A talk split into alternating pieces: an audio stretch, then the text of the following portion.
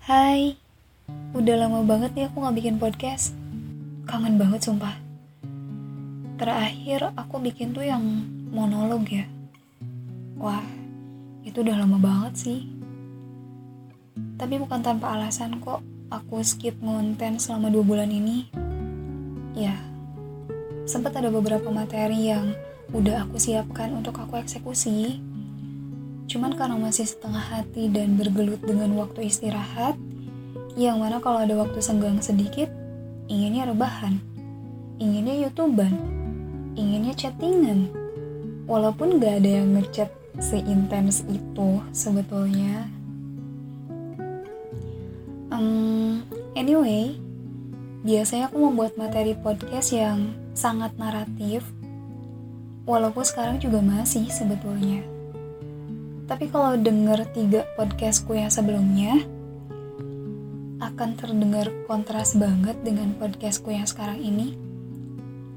Entah kenapa, ingin aja gitu. Menjadikan platform ini untuk sedikit sharing tentang apa aja yang udah aku jalani selama dua bulan terakhir. Walaupun literally aku nggak tahu apakah ada yang seniat itu untuk dengar suaraku, Ya, kalau ada, aku ingin mengucapkan terima kasih sekali untuk dia. Dan kalaupun nggak ada juga, it's okay. Aku jadikan ini sebagai reminder aku untuk ke depannya. Oke, okay, dua bulan ini yang aku alamin tuh random banget sih. Aku pun bingung sendiri mulai ceritanya dari mana. Tapi yang jelas, dengan jangka waktu yang nggak lama-lama amat sebetulnya, aku pribadi mengalami hal-hal yang sangat apa ya variatif mungkin. Mulai dari pengalamanku yang bikin aku benar-benar ngerasa bersyukur, sampai kejadian di mana aku merasa benar-benar bodoh dalam mengambil tindakan. Ya, yang namanya hidup kan gak akan mungkin gitu-gitu mulu ya pasti ada naik turunnya. Dan dalam dua bulan ini, aku ngerasain keduanya. Diawali dengan pengalamanku yang pertama, Alhamdulillah, aku keterima kerja di suatu perusahaan yang mana hal ini menjadi kado terindah untuk keluargaku dan untuk diriku sendiri of course Mungkin pekerjaanku saat ini masih terlihat abu-abu oleh orang luar, namun bagi aku sendiri, ada banyak banget pengetahuan dan value yang aku dapat dari sana. Yang mana hal tersebut adalah kebutuhan yang baru banget aku sadari beberapa waktu ke belakang. Nah, dari pengalaman ini, aku mendapatkan kesempatan untuk mengetahui makna dari istilah money oriented itu seperti apa. Terkadang orang mendengar istilah tersebut dengan konotasi yang negatif ya. Dan aku kurang setuju sih.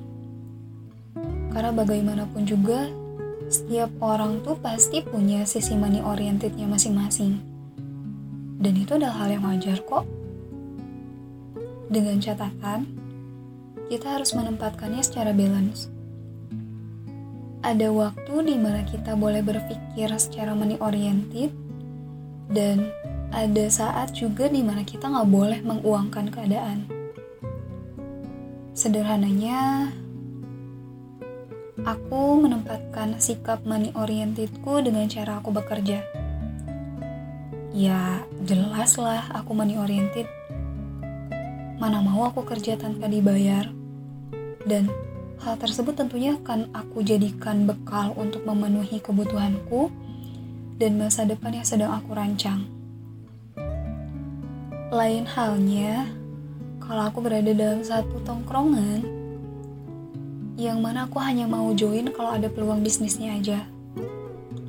You know lah maksudku, ya ini cuma sekedar contoh kok.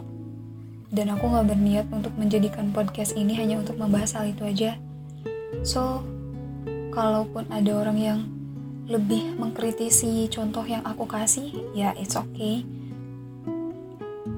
Oke, okay, literally aku recording ini tuh jam setengah satu malam So, aku minta maaf banget kalau misalkan suaranya udah kedengar serak atau banyak noise dari sana sini.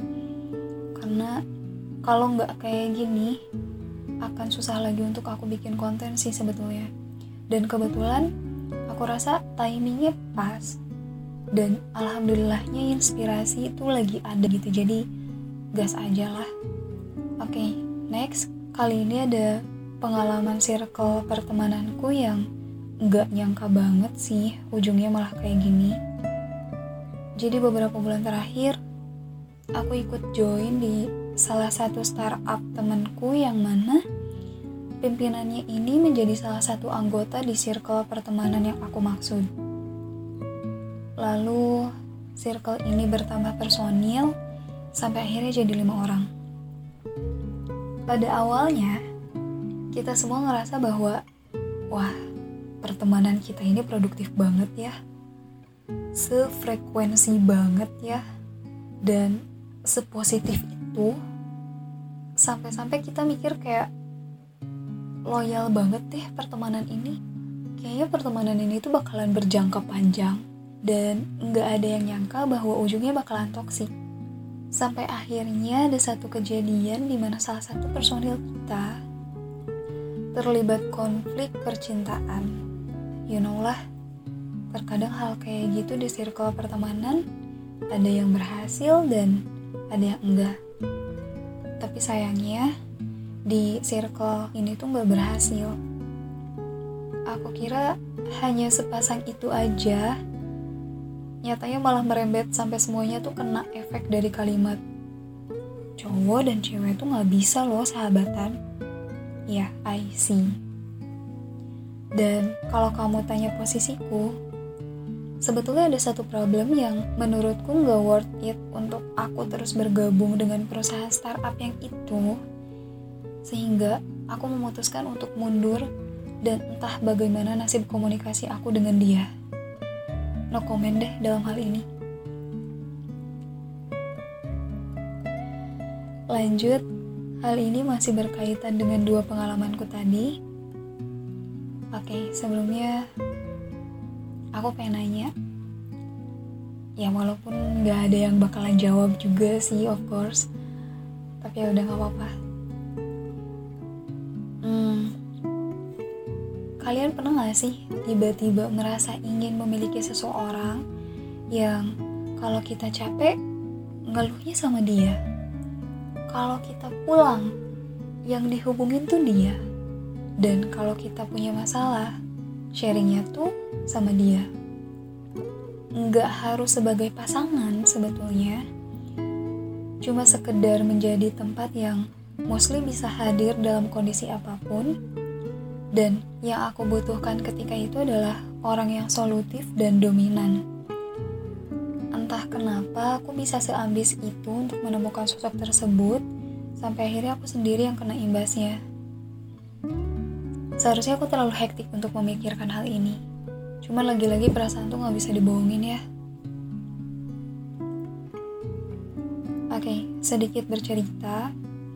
Aku merupakan anak pertama yang mana aku memiliki ambisi yang cukup kuat, ego yang tinggi, serta pemikiran yang as always melihat ke depan.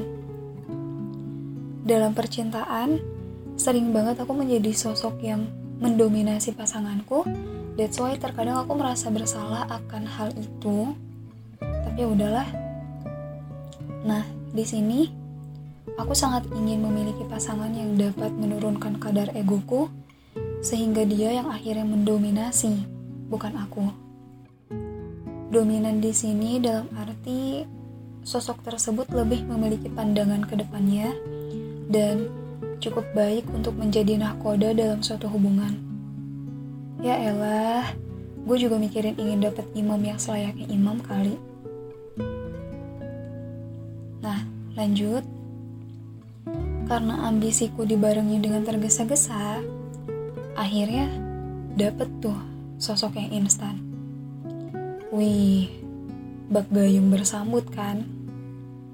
Langsung tuh disambutlah dengan baik orang tersebut karena ceritanya si bodoh ini berpikir bahwa Tuhan inikah jawaban atas permintaan yang aku lontarkan?